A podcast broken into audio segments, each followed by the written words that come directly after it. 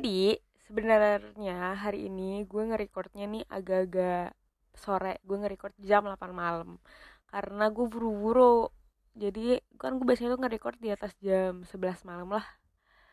Biar udah sepi kan. Tapi ternyata gue gak bisa jam 10 ini gue harus nonton uh, konser online Day6 dan itu official gitu jadi gue ya kali gue nggak nonton jadi mau nggak mau gue harus nge-recordnya agak agak maju jamnya jam 8 nah biasanya tuh jam 8 gara-gara sebelah gue tuh kos-kosan dan cowok itu tuh jadi suka masih berisik gitu loh. Jadi ntar kalau ada suara-suaranya kedengeran mohon maklum ya oke? Okay. jadi kemarin gue habis nonton film judulnya The King of Staten Island. Terus gue jadi kayak abis nonton gue langsung kayak eh sumpah ini mah gue pengen banget deh ngobrolin film ini di podcast.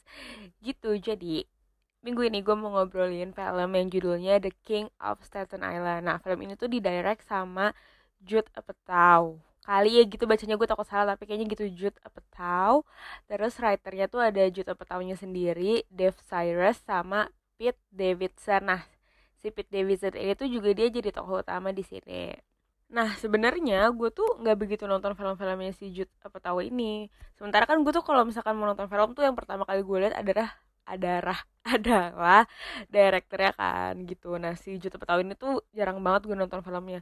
Film yang pernah gue tonton tuh kayak cuman The 40 Year Old Virgin sama Knockout. Itu juga kan lama banget ya jadi emang emang emang jarang sih. Soalnya juga emang film-film dia tuh bukan genre bukan genre yang kesukaan gue gitu loh. Dia tuh bikin film tuh emang drama komedi yang kayak gitu-gitu. Pokoknya bukan tontonan gue lah gitu kan. Genre drama in general emang bukan tontonan gue ya. Masa either romance drama komedi drama apalagi yang kayak pure drama asli. Itu tuh gue jarang nonton soalnya jujur biasanya tuh gue ngantuk tiap nonton. Kayak marriage story aja tuh yang kata kayak semua orang bagus. Gue tiap 30 menit tuh kayak nge-pause filmnya tuh kayak anjir lama banget bosen gitu. Mungkin apa gara-gara gue gak sama ceritanya tapi gue bosen dah. Nah jadi jadi tuh gue tuh buat peraturan sendiri loh. Jadi kayak khusus buat genre drama kayak gini tuh gue punya peraturan sendiri. Jadi gue punya standar gitu untuk menentukan apakah gue harus nonton apa enggak.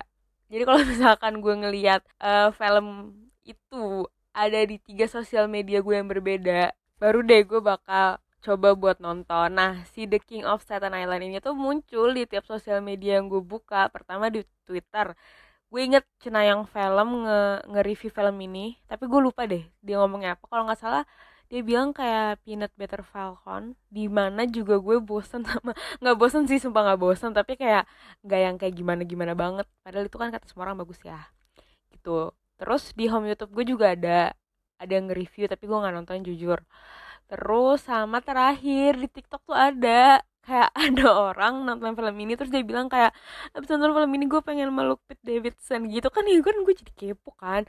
Nah udah deh abis itu kayak oke okay, fix oke okay, I will give a shot gitu kan. Dan ternyata surprisingly gue suka banget gue suka gue suka banget. Udah fix ini gue bocoran aja ya gue suka banget sama filmnya. Nah jadi si pemeran utamanya ini tuh Pete Davidson. Dia tuh di film ini namanya Scott.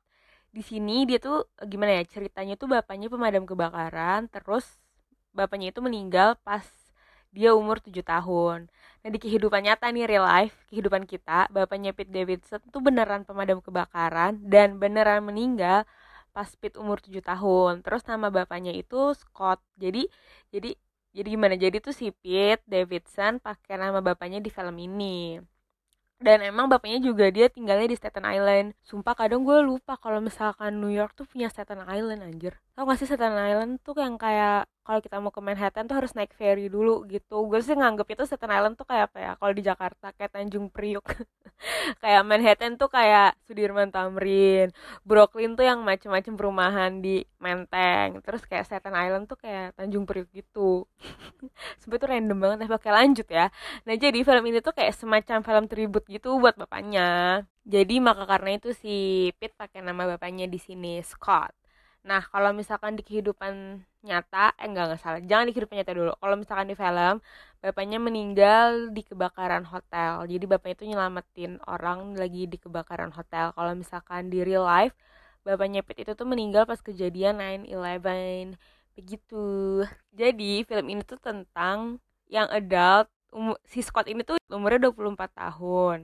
Nah dia ini clueless banget gitu sama hidupnya. Pertama ya dia nggak ada kerjaan dia juga nggak kuliah juga dan masih tinggal sama ibunya. Terus dia tuh gimana adiknya tuh udah udah kuliah gitu. Adiknya baru lulus SMA terus lanjut kuliah. Terus dia tuh ngerasa kayak emang tuh sebenarnya umur segini tuh gue harus ngapain sih? Gitu loh orang-orang di sekitarnya tuh kayak lo tuh mau ngapain di hidup lo? Terus dia juga kayak ngerasa lah emang gue seumur gini gue harus ngapain? Gitu. Pokoknya dia sangat-sangat clueless lah sama hidupnya sebenarnya ya sumpah gue tuh nonton film ini tuh bisa ngelihat dari kayak dua sisi gitu. Kayak gue ngeliat sisi orang-orang sekitarnya Scott gue tuh kayak ngerasa kayak anjir he doesn't even try to do anything with his life tuh nggak? Kayak dia tuh cuma nyabu doang nggak nggak dia nggak nyabu salah ngeganja bareng temen-temennya nongkrong tiap hari ngeganja tiap hari yang kayak gitu loh yang kayak bener-bener lu ngapain dah? Tapi di satu sisi gue tuh juga kayak ngeliat mungkin tuh si Scott mikirnya kayak Scott tuh punya cita-cita dia tuh punya impian. Jadi mungkin si Scott tuh mikirnya kayak hello I'm trying here. Cuma emang ya udah sabar gue butuh proses kali sabar elah gitu kali. Gue ngerasa Scott mungkin mikir gitu nggak tau sih gue sotoy tapi kayaknya Scott mikir gitu. Sebenarnya sumpah gue tuh agak relate juga sama si Scott. Jadi kayak tadi gue ngomong dia tuh punya cita-cita buat masa depannya. Cuma impian dia ini kayak susah gitu kayak susah banget kayak susah banget beb asli. Kayak bikin orang-orang di sekitar dia tuh kayak lo nggak mau cari alternatif lain? Kayak lo yakin? Lo yakin? Gitu loh. Dan si Scott ini tuh batu batu banget. Dia tuh selalu tiap ada ngomong kayak gitu respon dia tuh yang selalu kayak apaan sih? Anjir alternatif apaan? Gue tuh nggak gue nggak bisa gue nggak bisa mikir apa apa lagi gue nggak bisa kepikiran yang lain dan gue maunya itu gitu. Nah itu tuh Scott yang kayak gitu tuh jujur itu mirip sama gue. Gue tuh lumayan gue lumayan kayak gitu sih. Gue lumayan batu. Gue nggak mau nyoba sesuatu hal yang lain. Gara-gara gue udah tau gue maunya ini tapi gue gak mau gitu deh. Ah udah pokoknya gitu deh. Intinya gue ngerasa gue mirip sama Scott kayaknya itu yang buat gue gak bosan nonton film ini. Sumpah dari biasanya gue nonton film drama gini tuh untuk gue uh, merasa ada attachment sama tokoh utamanya tuh lumayan lama gitu setengah jam pertama minimal. Ini tuh enggak kayaknya 10 menit gue udah langsung ngikutin ceritanya gue udah langsung kayak tertarik buat ngikutin kehidupan Scott. Dan ini lama loh durasinya 2 jam 17 menit dan jujur gue nggak ngerasa bosan sama sekali. Padahal ini tuh konfliknya sederhana banget bener-bener sederhana banget. Nih ya kita tuh ya kayak cuma nontonin orang hidup aja kita tuh nonton dia ngobrol sama temen-temennya nonton dia main basket sambil ngobrol sama temen-temennya berantem sama adiknya berantem sama pacar ibunya. Pokoknya tuh hal-hal yang kayak gitu hal-hal rumahan yang di film itu tuh tentang yang kayak gitu. Nah tapi tapi dari situ si Scott tuh kayak mulai dari berantem berantem itu si Scott tuh kayak mulai sedikit demi sedikit kayak menemukan dirinya gitu loh suka pokoknya gue suka sih ya. Malah pas ending tuh gue ngerasa kayak demi apa udah habis sumpah? Demi apa gue mau lagi? Kayak ayo lagi kasih gue cerita tentang hidup Scott. Gitu dan endingnya juga rasanya tuh kayak realistik banget. Bukan yang kayak gimana ya bukan ending yang langsung kayak gimana ya kayak oke okay, gue tahu sekarang gue mau apa. Oke okay, besok gue dapat kerja. Bukan ending yang kayak gitu.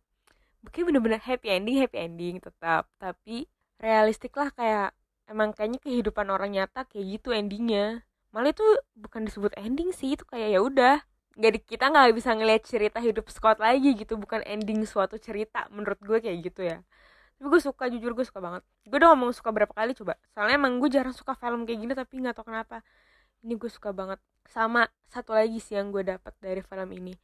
Jadi gini Scott tuh banyak keresahannya. Dia tuh kelihatan banget dia tuh resah sama hidupnya. Tapi dia tuh selalu nutupin dengan bercandain dirinya sendiri gitu. Jadi tuh akhirnya orang-orang sekitar dia tuh kayak nggak fokus sama hidupnya Scott malah fokus sama bercandaan yang Scott buat gitu. Nah gue tuh pernah baca atau pernah denger di mana gitu gue agak lupa.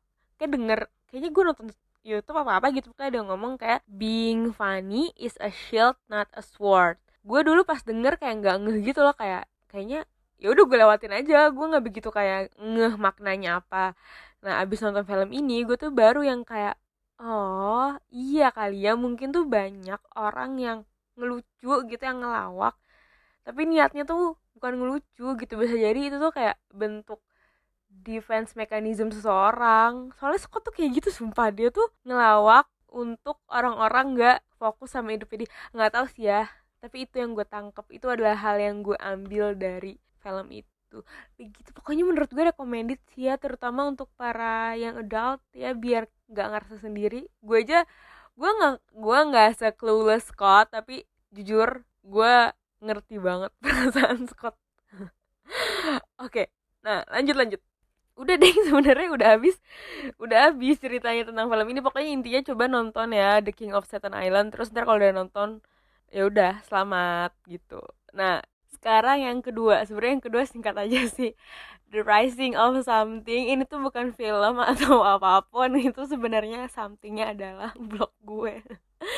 Jadi yang nggak tahu gue tuh punya blog namanya ratuam.blogspot.com itu tuh blog yang udah gue bikin dari kelas 9 berarti 2009 Sumpah itu postingan pertama tuh tentang gue cabut pas mau remet pas lagi SMP Gila, gue kadang-kadang kayak pas gue baca ya Pas kemarin gue baca kayak anjir SMP negeri tuh begini banget dah. Masa mau remet cabut? Tapi gue tetap lulus anjir. Gue tetap naik kelas. Maksud gue padahal tuh SMP gue bukan SMP negeri abal-abal. Jauh dari jauh dari kata abal-abal malah kayak kalau misalkan UN itu tuh ada TV datang ke sekolah gue kayak untuk menjadi percontohan di TV udah udah pokoknya. Kenapa jadi begitu ceritanya? Udah intinya itu blog gue ya somethingnya. Jadi blog gue tuh sebenarnya aktif terus sampai 2018 terakhir aktif 2018 ya gitu udah tuh gue nggak pernah ngepost lagi. Isinya tuh dulu kebanyakan curhat sih kayak pure curhat kehidupan. Ada sama ada beberapa kayak review film-film atau TV show atau drama Korea tapi jarang sih lebih banyak curhatnya. Nah kemarin pas lagi WFH sebenarnya nggak gue nggak WFH sih gue cuma di rumah aja tanpa kerja. Itu tuh ya saking gak ada kerjaannya. Gue tuh ngerapihin blog gue yang itu. Terus pas gue ngerapihin gue tuh ngerasa kayak aduh sayang banget ini blog gue nggak ada isinya. Lebih kesedih sih soalnya kan gimana ya gue tuh udah lama banget gitu loh hidup bersama blog itu. Terus jadi kayak jadi kayak kosong gitu nggak tau gue jadi kayak sentimental aja. Gue cancer ya mohon maaf ya udah tuh akhirnya gue memutuskan untuk mau bikin blog itu aktif lagi tapi sekarang nggak ada curhat-curhatan hidup lagi. Malah gue udah ngapusin seluruh curhatan hidup gue. Di situ udah gue hapus kecuali curhatan masa-masa SMA itu gue keep soalnya karena SMA gue tuh kan sekolah ajaib ya. Dan itu tuh curhatannya bukan curhat cinta-cintaan itu curhat soal kayak pelajaran sekolah. Jadi kayak kayaknya kalau misalkan sampai kapan pun gue baca lagi jatuhnya sih lebih lucu dibanding cringe gitu. Soalnya kalau yang curhatan hidup dan cita-citaannya tuh cringe. Gue kayak eh hapus aja gue malas kalau orang-orang baca. Jadi uh, gue tetap publish yang curhatan SMA kayak nggak apa-apa buat kenang-kenangan gitu. Terus lanjut. Tadi gue ah, sampai mana sih? Oh iya terus udah kayak gitu. Kan gue mau bikin blog gue aktif lagi kan. Nah jadi isinya karena bukan curhatan lagi isinya tuh lebih ke sebenarnya masih nggak tahu sih ya gue masih mikir kayak mau gue apain tapi ini untuk pertama untuk first step gue mau bikin konten tentang ini apa namanya gue nge-review semua skincare yang pernah gue coba. Gitu sebenarnya ini udah pernah mungkin ada beberapa teman-teman gue udah pernah baca soalnya gue pernah ngerilis postingan ini di tempat lain. Cuma ada yang gue tambahin sumpah baca ya please baca lagi. Nggak sumpah serius-serius ada yang gue bacain. Eh ada yang gue bacain. Ada yang gue tambahin soalnya pas kemarin gue uh, posting di tempat itu kan gue kayak bodo amat kan yang baca dikit ini. Kalau sekarang kan ya sebenarnya baca juga kayak dikit tapi tetap aja. Ini kan yang kemarin kan tempatnya rahasia. Kalau sekarang kan orang-orang bisa baca gitu loh. Kalau misalkan gak sengaja baca bisa baca. Jadi emang ada beberapa yang kayak gue lebih lebih niat lah bikinnya. Jadi yang udah baca tolong baca lagi. Oke okay? makasih. Kayaknya btw kayaknya minggu depan ya. Mulai minggu depan hari sabtu kayaknya. Nggak kayaknya udah fix deh. Kita buat hari sabtu sore ya jam 5 sore. Mulai minggu depan hari Sabtu jam 5 sore di ratuam.blogspot.com rilis minggu sekali. Oke tuh udah gue udah ngomong di sini. Berarti gue akan komit. Oke deh udah. Terakhir apa lagu yang gue lagi suka minggu ini? Karena hari ini Day6 ngadain online concert. Jadi gue mau ngerekomendasi lagu Day6 aja ya apa ya kira-kira? Sebentar gue pikir-pikir dulu. Oke jadi gue merekomendasikan uh, lagu judulnya For Me uh, ini tuh hari ini ada di tracklistnya mereka terus pas gue lihat oh my god ini cocok sama episode gue kali ini. Jadi tuh form itu adalah lagu Day6 tentang self love, self acceptance, self discovery gitu. Pokoknya ini tuh lagu tentang itu. Ada lirik yang gue suka sumpah kayak gini. I I wanna thank you for always sticking with me. I will love you now. I mean I will love me now gitu. Jadi tuh emang surat buat diri sendiri. Oke dengerin ya. For me day 6 btw itu melodinya nggak sedih-sedih gitu melodinya menyenangkan tapi kayak melodi yang bikin terharu gitu. Pokoknya udah pokoknya dengerin dengerin ya oke? Baiklah selesai episode minggu ini. Sampai ketemu di Nightella minggu depan. Bye